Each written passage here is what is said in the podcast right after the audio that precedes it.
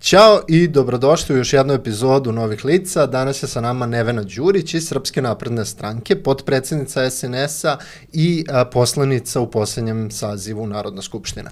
A sa Nevedom smo razgovarali upravo o tome kako je biti mlada žena na tako visokoj poziciji u političkoj partiji, ali i kako je biti narodna poslanica.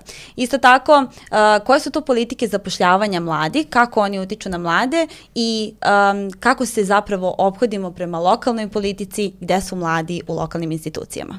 Uživajte.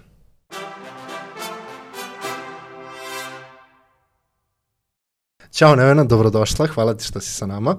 Pozdrav vama i svim vašim gledalcima i hvala na pozivu. E pa Nevena, ovaj, mi smo sve nekako do sada ovaj, tako pitali, pa ovaj, želimo i od tebe da čujemo zapravo otkud ti u politici, ovaj, kako je izgledao neki tvoj put, šta je ono što je tebe zainteresovalo zapravo da postaneš deo neke političke partije. Pa ajde ovako da to podelimo na, na dva dela. Nisam planirala zapravo da se ovako ozbiljno bavim politikom, ali svakako ja sam bila uključena u a, politički rad odmah po povratku sa studija u svoj rodni grad. Ja sam inače a, iz Kruševca. Ranije sam bila samo ono član, ali pasivan a, mhm. član. Prosto odmah po završetku studija sam, sam krenula a, da se aktivnije uključujem u čitav politički proces, naravno kod mene na lokalu. E sad, član stranke sam postala prosto iz više razloga ja često ističem da sve ono zapravo o čemu mi mlađi ili mi omladina danas učimo i čitamo i ako, ako a govorimo na onoj bliskoj prošlosti, recimo 90. 2000. i tako dalje, dakle to su stvari o kojima mi čitamo, učimo ili slušamo od starijih iskusnih. Dakle nije nešto što smo na svojoj koži uh, proživeli, osetili, doživeli, zapravo nismo, naši roditelji ili njihovi roditelji su praktično bili akteri i učesnici mnogih tih uh, dešavanja. Uh, I prosto iz njihove priče, dakle čitavo moje porodično okruženje, svi su bi, podržavali u tom trenutku i politiku Srpske napredne stranke i samog predsjednika uh, Aleksandra Vučića, tako da sam se ja tokom one kampanje 2017. godine mm -hmm. prosto prvi put uh, ozbiljnije uključila uh, u sve to, a postala sam član pre svega iz jednog prostog razloga jer sam, dakle, iako sam malo, iako malo godina, bila svesna te činjenice da je dolazak Srpske napredne stranke na vlast 2012. godine mojim roditeljima omogućio da imaju radno mesto. Dakle, oni su mhm. početkom 2000-ih ostali, dakle to je ta treća, četvrta, a, ostali bez posla i prosto su se sve vreme nekako mučili i strahovali kako će i mene, ja imam i rođenu sestru, da iškoluju mm -hmm. i prosto sam bila svesna, dakle na svojoj koži sam osetila što i danas prosto a, često ističem u komunikaciji sa ljudima, svako treba da pođe od sebe i da vidi šta je to, čime je zadovoljan i što je dobro danas, a nije bilo mm -hmm. dobro ranije ili što eventualno nije dobro danas, a bilo je bolje u nekom pred, prethodnom trenutku. Dakle, svesna te činjenice, dakle i prosto i okruženje i svega onog što sam i kroz studije prolazila, dakle uključila sam se ozbiljnije u politiku, inače sam profesor matematike, radila sam u osnovnoj i u srednjoj školi, jedno vreme sam radila i u Privrednoj komori Srbije, samo regionalnoj Privrednoj komori uh,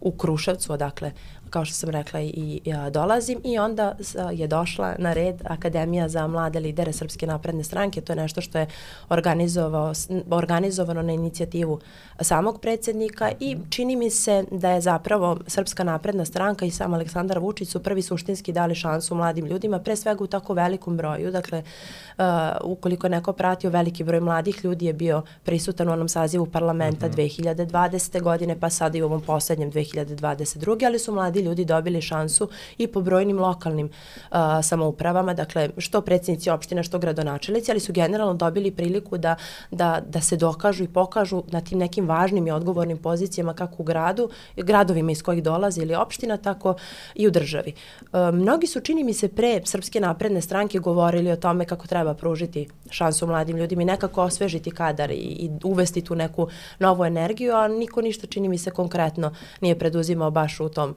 smeru.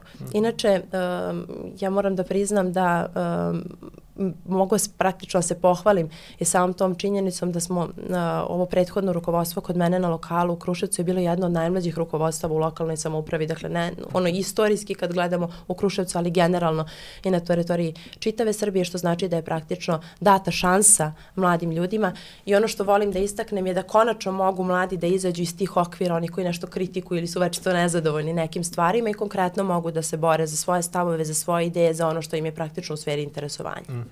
E, molim te. Dobro, ovaj, pustit ću te, moram, ajde. ovaj, super mi je, jer kao otvorila se nam sad gomilu nekih, ovaj, gomilu tema, ali nešto što mene uvek zanima i kao kada god nam je u gostima neko koga imam priliku to da pitam, moram to da pitam, a kako je to biti mlada osoba u parlamentu, ovaj, jer mislim da je to jedna od ključnih sad tačaka na osnovu ovoga što, što si sada rekla, a kako je izgledalo to da, da, da, da radiš i da zastupaš svoje stavove i vrednosti unutar ovaj, Narodne skupštine. Da, zapravo do ovog da budeš članica, kako si rekla samo, ovaj, i simpatizerka, jel, do toga da, da. da imaš onako dosta aktivniju ulogu. Pa dobro, ja moram da naglasim da uh, generalno biti narodni poslanik, bez obzira na to koje ste starosne dobi, po mom mišljenju je najveća čast, jer ste u prilici da služite praktično svom narodu i svojoj državi da radite uh. -huh. za narod i državu. Ja lično smatram da pored toga što je to velika čast, to je velika privilegija, ali svakako i velika odgovornost, jer prosto morate da radite u interesu tih ljudi koji su vas, koji su vas odabrali, poslali vas tu da se borite za ono što je njima a, najvažnije. Ja moram da priznam da ovaj poslednji a, skupštinski saziv, pošto, pošto ste me pitali kako je prosto mm -hmm. biti u Domu Narodne skupštine, mislim da neće ostati upamćen ni po čemu, ni po čemu onako dobro. Mislim da to nikako nije smela, a, ono što smo viđali u parlamentu nije uh, trebala i nije smela da bude slika koja će otići pre svega ka našim građanima, jer je to nepoštovanje prema njima, prema tim ljudima koji su nas odabrali, ali svakako nije ni slika koja, će, koja je trebala da ode i ka Evropi i ka svetu.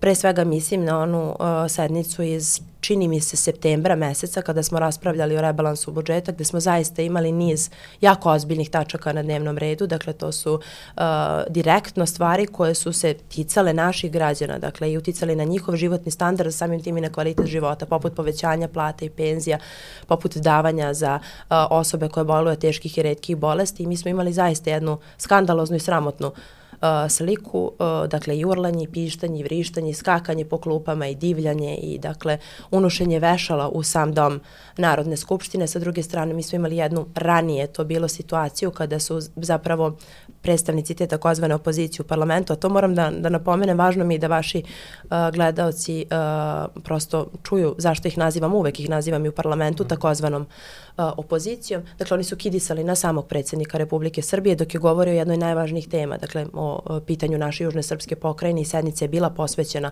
zapravo Kosovu i Metohiji. Mi smo imali jednu tu situaciju kada je baš tokom te sednice, dakle o rebalansu budžeta, dakle govorio čovek iz svog ličnog iskustva kao otac deteta koje boluje od teške i redke bolesti. Hvalio sve ono što država danas zapravo preduzima za tu decu i prepoznaje njihove potrebe, a samim tim i potrebe i težinu situaciju u kojoj se čitava porodica nalazi kad, kad zapravo ima dete uh, koje je bolesno. Mi smo imali jednu zaista sramotnu sliku koju sam ja već više puta govorila. Dakle, on govori, a poslanici te takozvane opozicije divljaju, pište, vrište, ni, ni tog trenutka se nisu zapravo udostojili da se stišaju, da prosto pokažu jedan vid poštovanja prema njemu, prema svim ljudima njemu kao kolegi, pa onda prema svim ljudima koji se nalaze u istoj ili sličnoj situaciji, a samim tim i prema svim građanima zapravo Republike Srbije. Tako da ovaj posljednji, uz niz uvreda zapravo što su, koje su bile, dakle, eto i meni direktno upućene, dakle i svima nama koji na bilo koji način podržavamo politiku Srpske napredne stranke i samog predsednika Aleksandra uh, Vučića, ali ja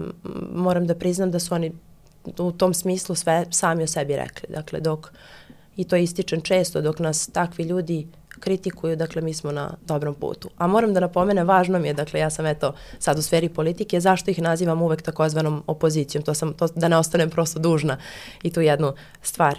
E, činjenica je da kad neko sebe smatra opozicijom u bilo kojoj državi, a samim tim mi polazimo naravno od naše Srbije, trebalo bi da ima nekakav plan i program kojim konkuriše ne samo Srpskoj naprednoj stranci, dakle već vladajućoj koaliciji ili vladajućoj većini tu u parlamentu pre svega, dakle ako govorimo o Narodnoj skupštini. A imajući u vidu sa čim su oni istupali i nastupali zapravo pred građane, uh, oni su praktično u opoziciji rade protiv naših vitalnih državnih i nacionalnih interesa. Dakle, sve nasuprot našoj državi i našem narodu. Tako da su oni za mene i ostaće, ja mislim, to sam sasvim sigurna, za uvek ta takozvana opozicija. Nikola, ovaj, te negde pitao za sad taj moment gde si ti kao mlada osoba ovaj, u parlamentu, a ja ću onda ovaj, dodati mm -hmm. još jedan sloj ovaj, tu i nešto što ja volim da pitam, naročito mm -hmm. kada govorim sa ženom koja je ovaj, u politici, a to je kako je biti mlada plus žena ovaj, u politici, u parlamentu, ali i potpredsednica a, stranke. Dakle, nalaziti se na jednom tako važnom ovaj, Um, jednoj tako važnoj funkciji, um, a opet uh, ne suočiti se možda sa nekim predrasudama sa kojima se žene generalno suočavaju. Što na nekim funkcijama, što, uh, da kažem, samim tim što se bave nekim muškim možda zanimanjima ili su spremne da budu takozvanim. glasnije. Takozvanim muškim zanimanjima. Ove, ili da budu ajde kažem, glasnije ili jednako glasne kao, kao i muškarci. Tako da kako je za tebe kao mladu političarku zapravo? Pa čini mi se da smo pokazale mi žene, bez obzira na to, opet kažem da smo mlađe ili starije, da i kako možemo uspešno da se bavimo tim poslom, a da je to sad i zakonski regulisano, dakle 40% žena prisutno u parlamentu. Mislim da nikad veći broj žena nije, ako se osvrnem na ovaj poslednji saziv vlade, nije bilo više žena na ministarskim pozicijama, dakle nama je žena premijerka, žena je guvernerka Narodne banke, sve su, složit ćete se, ja sam sasvim sigurna, u to sa mnom jako ozbiljne i odgovorne uh, pozicije i sve su nekako okrenute ka državi i ka, ka narodu i jako uspešno smo pokazale da to zaista možemo da radimo. Inače, u okviru parlamenta je funkcionisala jako uspešna i ženska parlamentarna mreža, dakle ona okuplja žene iz različitih političkih partija i onako smo uspele da, da bez obzira na to što smo politički i ideološki na potpuno različitim krajevima, da napravimo nešto što bi bilo u interesu pre svega žene i što se tiče direktno žena, što i sam naziv grupe zapravo pokazuje. Uh, ja dolazim iz Rasinskog okruga, pošto ste pomenuli uh, žene, dakle tu imamo grad Kruševac i pet opštine i moram da vam napomenem da je to jedan primer dobre prakse zapravo mm -hmm. i važan pokazatelj promena da je samo jednu opštinu vodio muškarac na čelu grada Kruševca i preostalih opština su se nalazile žene, dakle i u više mandata su žene, što znači da i tekako, dakle pored onih obaveza, ja to često kažem, koje imamo u porodici, možemo o, o, da ozbiljno da, da odgovorimo i na sve ove državničke, državničke funkcije. Mm -hmm. E, ono što mi je druga najzanimljivija stvar, a ovaj što možda i Milici više nego meni, ali ja volim da se bavim lokalom, ovaj, često pominjaš Rasinski okrug, ne samo ovde, nego, nego generalno, često pominjaš Kruševac, da. ovaj, kakva je tvoja veza sa, sa, sa rodnim gradom, kakva je tvoja veza sa lokalom a, i pošto negde si mi u neformalnom razgovoru pre ovaj, same ove emisije rekla da voliš da se baviš zapravo kroz politiku a, svojim rodnim gradom, Kruševcem i generalno ovaj, lokalnom politikom ovaj, u, u Rasinskom okrugu, hajde da malo da, da, da, da vidimo oko toga. Šta je ono što, što Kruševac ima i šta je ono što te toliko veže? Pa svakako, dakle, veza moja sa mojim rodnim gradom je onako neraskidiva i trajna i to je mhm. zaista mm -hmm. tako. Ja mislim da mi nijedan skupštinski govor nije, nije protekao da bar jednom nisam pomenula ili osvrnula se uh, Dakle, svakako u skladu sa tačkama dnevnog reda, ali na ono što je urađeno a, direktno u mom rodnom a, gradu. Moram da priznam da sam jako ponosna što dolazim iz grada koje, čija se slika potpuno promenila, dakle mhm. onako nepovratno promenila na bolji i moram da priznam da je to utisak svih ljudi koji dođu u Kruševac da duži vremenski period nisu dolazili bez, i to nikakve veze zapravo nema da, da, da su to politički ljudi koji su politički mhm. aktivni ili, ili pro, prosto uh, u, pripadnici određenih političkih partija. Dakle, ljudi vide golim okom koliko je taj grad zapravo napredovo. Svakako da prirodno je nekako da sam i kao narodni poslanik u najčešćoj komunikaciji sa svojim sugrađanima i negde uh, ono što, na što sam posebno ponosna, a što Srpska napredna stranka ističe kao jedno od svojih osnovnih načela, jeste ta komunikacija sa ljudima, to što ja prosto razgovaram sa svojim kruševljanima, osluškujem njihove potrebe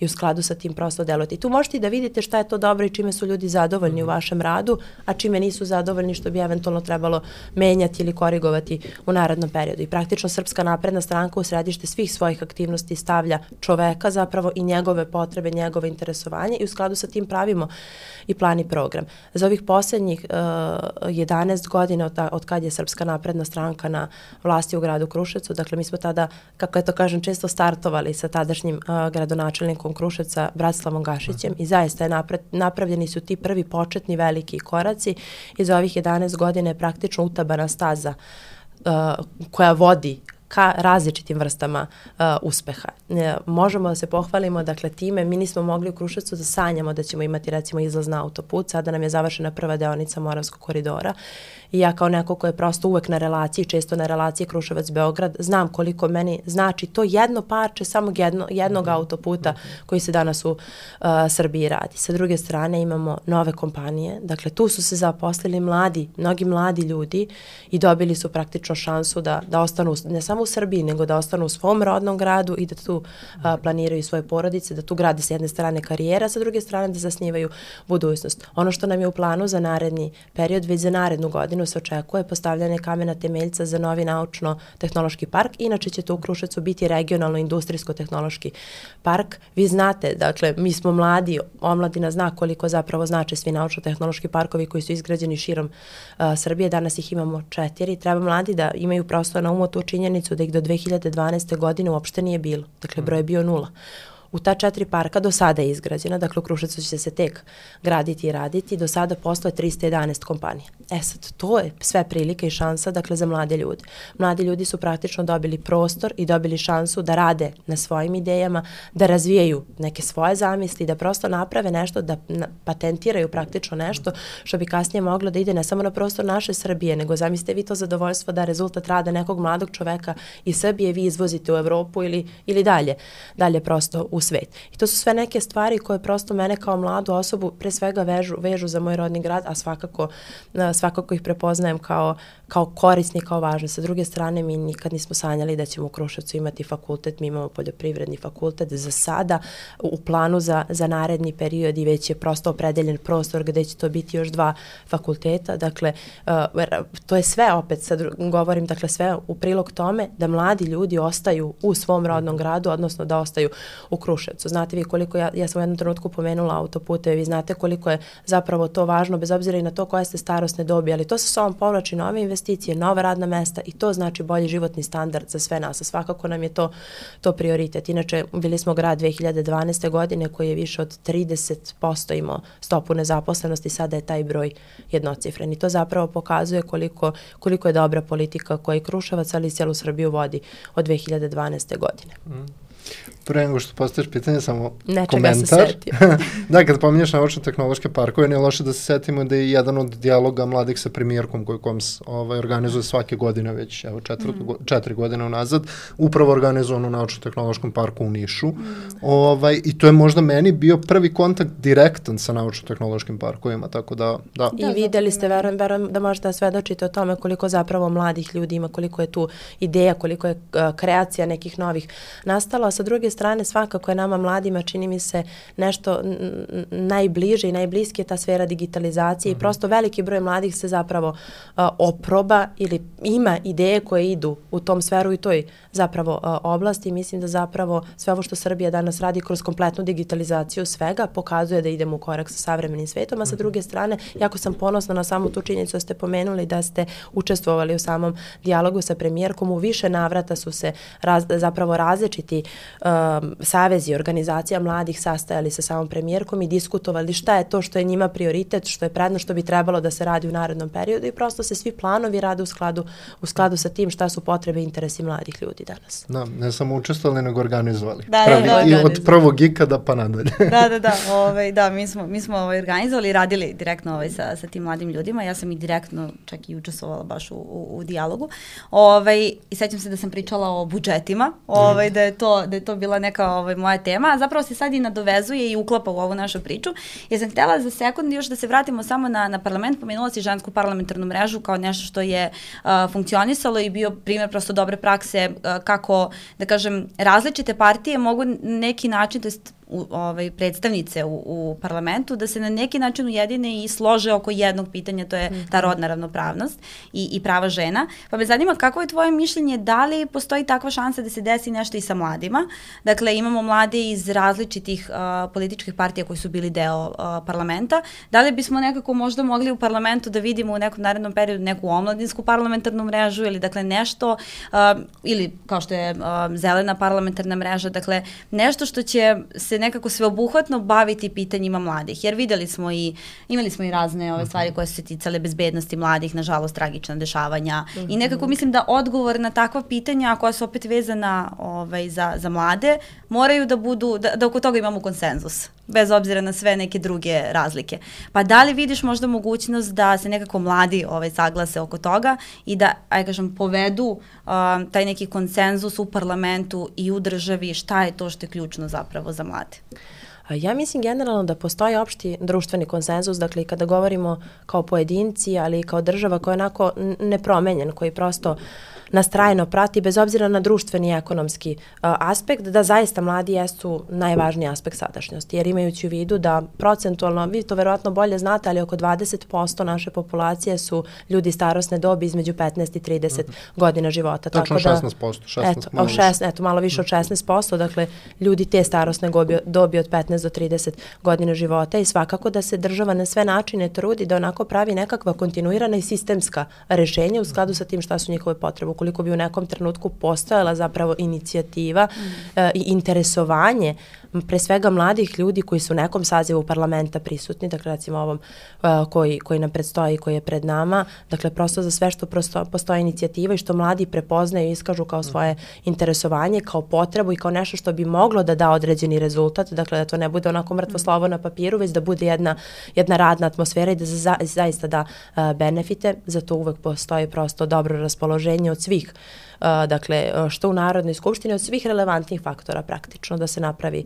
Jer mi zaista možemo da budemo ponosni na to, ja verujem da vi kao neko ko je često u komunikaciji sa mladim ljudima o tome najbolje a, svedočite, da su mladi ljudi zapravo danas prepoznali to što sve što država radi za njih. I to onako, da kažem, da go, ja često to navodim hronološki, dakle, pre svega kroz sistem obrazovanja, pa onda kroz sticanje radnog mesta, pa kasnije, dakle, kroz, um, kroz tu platu koju primamo na određen određenom radnom mestu, jer um, svakako da je, često čujem tu priču, dakle i apropo toga, dakle mladi, mladi u politici svega, svega ostalog, da mladi ljudi onako budu jako inertni i nezainteresovani da se generalno bave tom sferom politike, ali verujem da svakoga od nas interesuje, dakle kakva je zemlja u kojoj živimo, kakvo nam je obrazovanje, imamo li gde da radimo, koliko smo plaćeni za to što radimo i šta od tog novca zapravo možemo da obezvedimo sebi i svojoj porodici. Svakoga od nas to interesuje, bez obzira na to da li smo mladi, srednje, starosne dobi ili smo stari.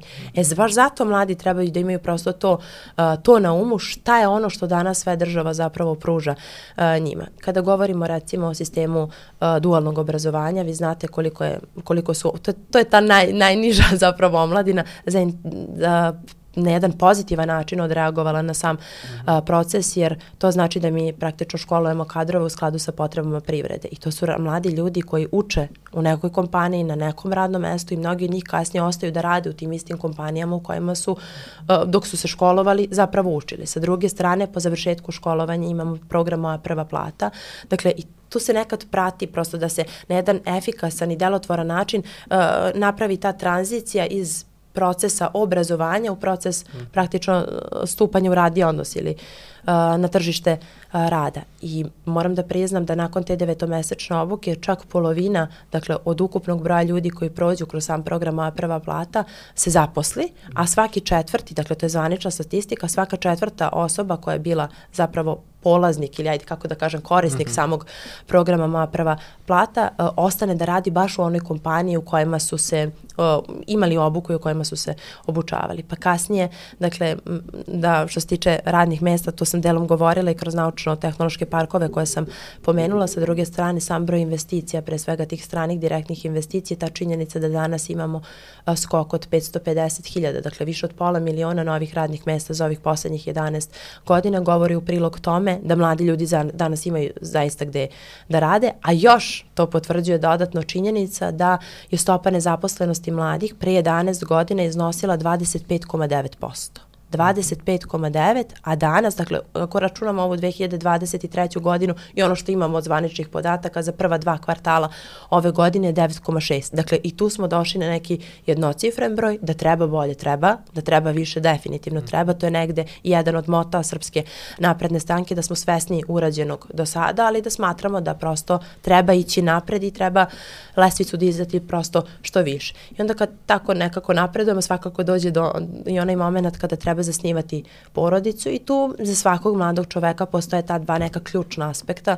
Dakle, govorim iz svog ličnog iskustva, ali svakako iz iskustva vršnjaka sa kojima, sa kojima najčešće komuniciram prosto. Da, to je taj finansijski moment, dakle, i sa druge strane je rešeno stambeno pitanje. Dakle, to su ta dva neka, neka ključna. Opet je i to stambeno pitanje do nekle vezano sa financijama, ali vi znate koliko su velika sada davanja i za prvo, i za drugo, i za treće, i za četvrto dete. Dakle, država pomaže na taj način i to ne pomaže jednokratno. Nakon porođenju deteta da se tu priča završava, ne, nego onako prosto danas, danas mlad čovek koji, koji se odlučuje da se ostvari ulozi roditelja zna da će imati određenu svotu novca na mesečnom nivou, što može da prosto bude dodatna s jedne strane motivacija, a sa druge strane i sigurnost. Kada govorimo o stambenom pitanju, znači tu imamo nije subvencije za kupovinu nekretnine na selu, ali smo imali za kupovinu nekretnine na ime majke pre, pre svega, znači pa sada imamo za, za, za omladinu, dakle i te studentske kartice, nešto što je prosto za, onako, to je više uh, jedan vid uh, s jedne strane znak pažnje, dakle pre svega kroz tih hiljadu dinara koji će leći na, na račune, dakle i prosto na, na tu na tu karticu studentsku, ali će da zapravo omladina imati niz popusta, a to je svakako mladom čoveku nešto što je značajno prosto za, da, za, da ono u tom periodu adolescencije ima određene uh, benefite. Vi znate da je sad predsjednik najavio i isplatu i to je prosto već u toku 10.000 dinara za sve srednjoškolce, dakle na ime oca, majke ili staratelja u zavisnosti od porodične situacije. To se opet direktno tiče mladih ljudi i to je neki vid poklona samo pred ove novogodišnje i praznike. Ja moram da napomenem u tom smislu da je reč o mladim ljudima koji apsolutno nemaju dakle pravo glasa dakle to, je, to su srednjoškolci, dakle da ili su, mislim, da, jedna deca, četvrtina ima. Da, je, e, jedna četvrtina, dakle, ali većina, velika većina zapravo uopšte nema pravo glasa, što govori u prilog tome da ništa što se danas da, u našoj državi radi, ni jedna mera i ni jedna odluka nije deo nikakve predizborne kampanje. I to, o tome možemo da svedočimo ako se osvrnemo dakle, na period koji je za nama, kada smo imali recimo pandemiju koronavirusa, kada je prosto tu država trebala da reaguje u trenutku da to bude brzo, efikasno, delotvorno i da se ispostavi da su te odluke kroz duži vremenski period ispravne. A mi znamo koliko smo tada imali velika davanja za sve one ljude koji su bili najizlož, koji su praktično sebe i svoje živote žrtvovali i bili na usluzi, dakle svima svima nama. Znamo koliko su tada velika davanja bila što jednokratno, što kroz onako kontinuirani i stalni raspad. To čujem i od najstarijih. Evo ja sam ovde dakle kao neko ko je pripadnik te mlađe starosne dobi, ali najstariji danas kažu ne samo što nama penzija raste, nego je sigurna. Dakle, mi znamo u dan i u dinar kad će nama biti neka isplata, a sa druge strane znamo i kad nam najavi predsjednik i sam dr, sama država da će biti neko jednokratno davanje, da će to zaista biti sprovedeno onako kako je mm -hmm. sve po planu i programu kako je najavljeno. I prosto moj opšti utisak je da danas mladi ljudi uh, prepoznaju i vide u svojoj državi podršku i oslona za sve ono što izraze kao, kao potrebu i kao prioritet, da država to prepozna i preduzme neke konkretne, konkretne mere ne bi li im olakšala. I ne bi li učinila život u Srbiji što boljim, znači i lepšim i ne bi li oni prosto imali motivaciju da ovde ostanu, da ovde, da ovde i karijerno, ali i privatno i porodično napreduju. Uh mhm. -huh. E, sad upravo kod ovoga, kada se pomenula jednokratna davanja za različite ovaj grupe među, uh -huh. među mladima, uh -huh. mi smo i u prethodnoj godini i u prethodnom periodu imali i 100 evra za mlade i sada 10.000 za srednjoškolce i slično. Međutim, nešto, na šta uh, i mi kao u svom radu, a i generalno na čemu se baziramo, jeste da je činjenica da na negde godišnjem nivou neki prosek izdvajanja za sistemsku brigu o mladima, odnosno na budžet za omladinsku ekonomsku politiku, odlazi 0,08 do 0,09% ovaj budžeta. A, da li misliš sad da te jednokratne pomoći, da li su one mogle na neki način da se konvertuju u više novca za sistemsku brigu i gde misliš da kada imamo, jer imamo budžet koji imamo, nemamo novca više nego što ga imamo, gde misliš da bi trebalo da bude veći fokus u jednokratnim davanjima ili u sistemskoj brigi, brizi? Pa mislim da treba to prosto osluškivati u tom smislu potrebe mladih. Budžet za omladinsku politiku je generalno, dakle ovaj planiran za 2024. godinu za 13% veći u odnosu na prethodnu godinu, što znači da je to prepoznato kao nekakav uh, vid prostora gde bi moglo da se izađe u susret mladim ljudima. Ja moram da se osvrnem i na onaj period koji je za nama, to je 2020. do 2022. godina kada smo zapravo bili uh, izloženi različitim vrstama pritisaka, dakle geopolitička kompletna slika, ali su uvećana sredstva kojima se finansiraju projekti omladinske politike za preko 20 Dakle, sve su to neki pomaci i nešto što ide praktično u prilog tome da država na jedan ozbiljan i odgovoran način danas brine o mladim ljudima. Da ne govorim kao neko ko je došao iz parlamenta, dakle koliko, koliko zna, znam da je studentima recimo značio sam zakon o studentskom organizovanju. Dakle, to je nešto što je zapravo i nastalo kao rezultat rada, dakle i vlade sa jedne strane, a sa druge strane i rezultat rada studenta. Ja moram da napomenem, dakle evo meni se tu i nalaze podaci, dakle mi imamo zajednički kao rezultat zajedničkog rada vlade Republike Srbije i Saveza a, omladine na a, Evropskom omladinskom forumu koji je održan u oktobru mesecu ove 2023. godine. Srbija je svrstana među jednu od četiri zemalja kako Evrope, tako i centralne Azije koja je napravila najveći pomak u indeksu napretka mladih za period 2011.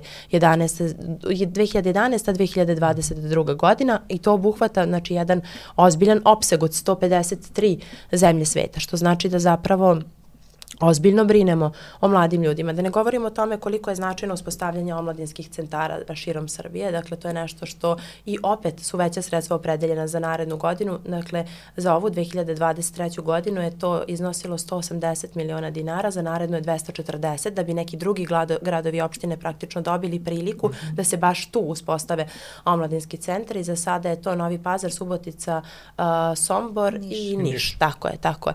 Dakle, i to je nešto što je opet veliki pomak i veliki, veliki napredak i opet rezultat rada, dakle, i vašeg dakle, interesovanja kao mladih, a sa druge strane i prepoznavanje i razumevanja od strane države da je to, uh, to vama zaista ne. Ono što na što sam ja posebno ponosna je to što će se u narednom periodu graditi ti studentski centri gde će biti smešteni praktično garsonjere za, za sve studente koji tu mogu da ostanu zapravo i posle, to, to me posebno iznenadilo i po završetku uh, studiranja da ostanu na tom mestu dok se eventualno ne snađu, ne zaposle i ne mogu sebi dakle od tih primanja da obezbede ili da reše stambeno pitanje. Dakle sve ono što, što se inicira praktično od strane mladih i u prilog tome govore, dakle sve ono što, što ste vi ne samo učestvovali, ne organizovali, ali i brojni drugi drugi razgovori i tribine i prosto ti dijalozi koji se danas uh, koji su danas i tekako zastupljeni i, i u koje su mladi uključeni, mislim da zapravo da zapravo to ide u jednom pozitivnom smeru, dakle sve ono što se prepozna kao kao vaša ideja i kao vaša inicijativa nađe nekako put da zaista bude sprovedeno u delo. Da, ovaj, Krovna organizacija Mladih Srbije je ujedno ideja Evropskog ovaj, foruma mladih, tako da, da kažem, nekako ovaj, trudimo se da doprinesemo tome da, da zapravo um, omladinska politika u Srbiji bude na tom nekom željenom nivou, odnosno da parira i nekim drugim um, evropskim uh, zemljama. Pomenula se i zakon o studentskom organizovanju, ja bih pomenula i da omladinski sektor već nekoliko godina nazad zapravo zagovara i da promenimo zakon o mladima, koji mm -hmm smo nekako pre, prerano da, ovaj, doneli i sada su prosto promenili smo nekako, drugačiji su i mladi, došle su neke nove generacije, potrebe su drugačije, ta rešenja su možda negde već ovaj, zastarela i potrebno je prosto da i kreiramo taj neki zakonodavni okvir koji odgovara zapravo uh, potrebama uh, mladih. Na tome smo ovaj, počeli negde da radimo. Ovaj, sad opet imamo izbore, pa, pa je to negde malo stalo, ali jedan od takođe zakona koji su bili izuzetno značajni i došli su kao inicijativa mladih, ujedno i moja prva plata je negde mm došla kao inicijativa ovaj, od strane mladih, a onda kada je počelo da funkcioniše, shvatili smo da zapravo nama je potreban takođe zakon o radnim praksama. Jeste. Jer zapravo radne, tako je, radne prakse negde nisu bile regulisane na adekvatan mm -hmm. načina, pored toga da nam je važno da imamo jel, ta neka radna mesta, bitno nam i u kakvim uslovima radimo. Prema našem alternativnom izveštaju 20% mladih je reklo da negde radi na crno uh -huh. a, i da prosto ne rade pod ugovorima koji nekako štite njihova, Absolut. njihova prava i, i obaveze i zato i zakon o radnim praksama bilo nešto što je bilo izuzetno značajno da se da se donese. Mi smo prošla i javna rasprava i da, ove, sada nacrt, imamo nacrt zakona, nacrt zakona tako je. I to je nešto što će po prvi put ući praktično pravni sistem Republike da. Srbije, jedan takav, takav mm. vid zakona. Tako je, tako je. Ove, ovaj, pa me samo zanima, sad sa te strane govorili smo o radnim mestima, ali upravo u ovom pravcu, koliko misliš da su, da kažem, radna prava mladih zaštićena i generalno prava mladih, pogotovo kada uzmemo u obzir da govorimo i različitim kategorijama mladih. Mi imamo one mlade koji su nekako van sistema, nisu prosto u sistemu obrazovanja, nisu zaposleni i prema opet nekim... Tako zvani NIT mladi. NIT mladi, da, da koji da, da, da. nisu ni u kakvoj edukaciji, nekako nisu dovoljno vidljivi sistemu. A, na koji način zapravo mi, da kažem, štitimo prava tih različitih mladih i na koji, na, šta je ono što mi možemo da uradimo zapravo kao država država da nekako i njih više integrišemo u sistem? Pa mislim da će se to na najbolji način rešiti kroz usvajanje ovog a, zakona zapravo o, o radnim praksama, dakle, jer se on delom odnosi baš i na te, na te kategorije a, omladine ili mladih, da prosto svi, da se napravi jedna sveobuhvatna slika i da se prosto svi na neki, da se svi na neki način osete i zaštićenim i zbrinutim i da znaju da prosto država i o njima vodi računa onako kako niko ranije prosto se nije toj temi, tom temom ni bavio, niti je ikakvu pažnju posvećivo i toj temi kao i svim ostalim temama. I baš u prilog tome govori sam nad, znači imali ste javnu raspravu, diskutovali ste o tome, izrađen je nacrt zakona, ja se nadam da će se već pred eh, nama narodnim poslanicima naći u narednom sazivu parlamenta, gde uh, zaista verujem da je to jedan, jedan nešto što baš govori u prilog tome da će sve kategorije mladih biti podjednako zbrinuti, da im se pod, pod, prosto podjednaka pažnja posveti, jer mislim da ni na koji način, uh, i to je ono što prosto zagovaramo, niko ni na koji način ne, ne sme se osjeti diskrimi, diskriminisano ili izolovano prosto, bez obzira na to da li je, uh, ima ili kakvo obrazovanje, ima i slično, mislim prosto da svi imaju prava da, da na jedan kvalitetan i lep život uh, u našoj zemlji. Mm -hmm. Ovaj, kako lagano prelazimo i negde kraju ovaj, razgovora, a otvorili Znala smo mnogo da što da kažeš. Otvorili smo mnogo nekih tema. A, siguran sam da postoje neke stvari koje su tebi možda lično kao, kao mladoj osobi u politici, kao mladoj ženi u politici važne i koje misliš da, da, da bi mladi trebalo da čuju. Pa eto možda poslednje pitanje da bude i to da evo idu nam izbori 17. decembra, a, šta je ono što bi ti negde kao, kao, kao mlada osoba u politici poručila mladima pred ove izbore? Pa pre svega da tog 17. decembra kad izađu na birališta, da imaju na umu kakvi su uh, državi živeli pre 11 godina, kakva je to država danas. Da li žele da se vrate u to što su imali ranije ili prosto žele da nastave ovim putem napretka i prosperiteta. Jer jeste puno urađeno. Mislim, mi smo ovde govorili, a to i vi ste bili akteri mnogih dešavanja, dakle i učestvovali na mnogim, mnogim dešavanjima. Govorili smo o tome šta je sve urađeno, ali mi imamo zaista ozbiljan plan za naredni period. I to ne planove sada do 17. decembra, već nakon prosto država tek nastavlja da živi uh, i da radi. I tu, je, tu sad dolazimo na taj teren da ništa što Srpska napredna stranka ne, ne govori, dakle nijedna tema o kojoj govori nisu nekakva puka predizborna obećanja, već nešto što je dobro planirano, o čemu je dobro razmotreno, gde su vršene sve procene rizika, što je opet prepoznato i važno a, za naše građane. Tako da time treba da se vode tog 17. decembra. Dakle, da zbog mi svi, dakle mladi, zbog nas samih, zbog sutrada naše dece, naše budućnosti, zbog svega onoga što je nama lično najvažnije, do čega nam je najviše stalo i šta nam je prioritet prioritet u životu, šta god to bilo. Dakle, treba podržati broj 1 i izbornu listu Aleksandar Vučić Srbija ne sme da stane jer je zaista prepoznala mlade ljude, prepoznala njihove potrebe, podjednako čini mi se kako je prepoznala uh, ljude svih starosnih dobi. Dakle, ovamo imamo sa te strane dakle, da su penzioneri beskreno zahvalni. Dakle, i oni nam ističu koliko su zapravo danas, koliku podršku imaju od svoje države uh, i zato treba da, da zaokruže broj 1. Ja sam sasvim sigurna, dakle, ja tu dilemu nemam da uh, su mladi ljudi, ali i svi ljudi danas u Srbiji trezveni, razumni, racionalni, da prosto mogu na jedan uh, sve, jednu sveobuhvatnu sliku, sliku da naprave i da prosto donesu jednu razumnu razumnu odluku da tu, tu to nemam dileme. Dakle, da Srbija neć, ne samo da neće stati, već će prosto nastaviti krupnim koracima napred. Svakako da je i vama i meni donekle prosto, jer sam eto, još uvek sebe smatram mladom osobom, uh, dakle, uh, sve to što je u sferi interesovanja mladih negde jeste meni prioritet, imajući u vidu da dolazim sa druge strane po zanimanju iz te sfere obrazovanja i da sam bila u prilici da radim sa decom i da vidim kako to zaista uh, izgleda. Napravljen je veliki pomak, ali svakako može još više i još bolje i zato treba pre svega mladi, ali svakako i svi građani Republike Srbije da, da, da pruže podršku onoj politici koja Srbiju vodi od 2012. godine. Dakle, samo ne izađu prosto iz svog dvorišta ili da se s jedne strane osvrnu na to kako Srbija izgleda danas, a sa druge strane da prosto vide kako je stanje njima danas svakom od njih u, u njihovoj kući, dakle u domu i da vide to kako je to bilo ranije, kako je to danas, ja sam sasvim sigurna da dileme nema. Mm -hmm. Hvala ti Nevena, ovaj, hvala ti što si izvojila vreme, hvala što si razgovarala ovaj, sa nama. Uh, mi takođe uvek pozivamo mlade naravno mm -hmm. da izađu na, na izbore, da glasaju za koga god žele, ali bitno je da nekako aktivno participiraju i da aktivno Absolutno. biraju u skladu sa nekim svojim željama, potrebama, mišljenjima mm -hmm. i mhm. tako dalje. Tako da svakako hvala ti ovaj, što si bila ovaj, naša gošća i eto pozdrav ovaj, za sve mlade i poziv da izađu na izbore. Mm -hmm. Hvala vama na pozivu. I naravno, kom će pratiti i kampanju do kraja. Pozdrav!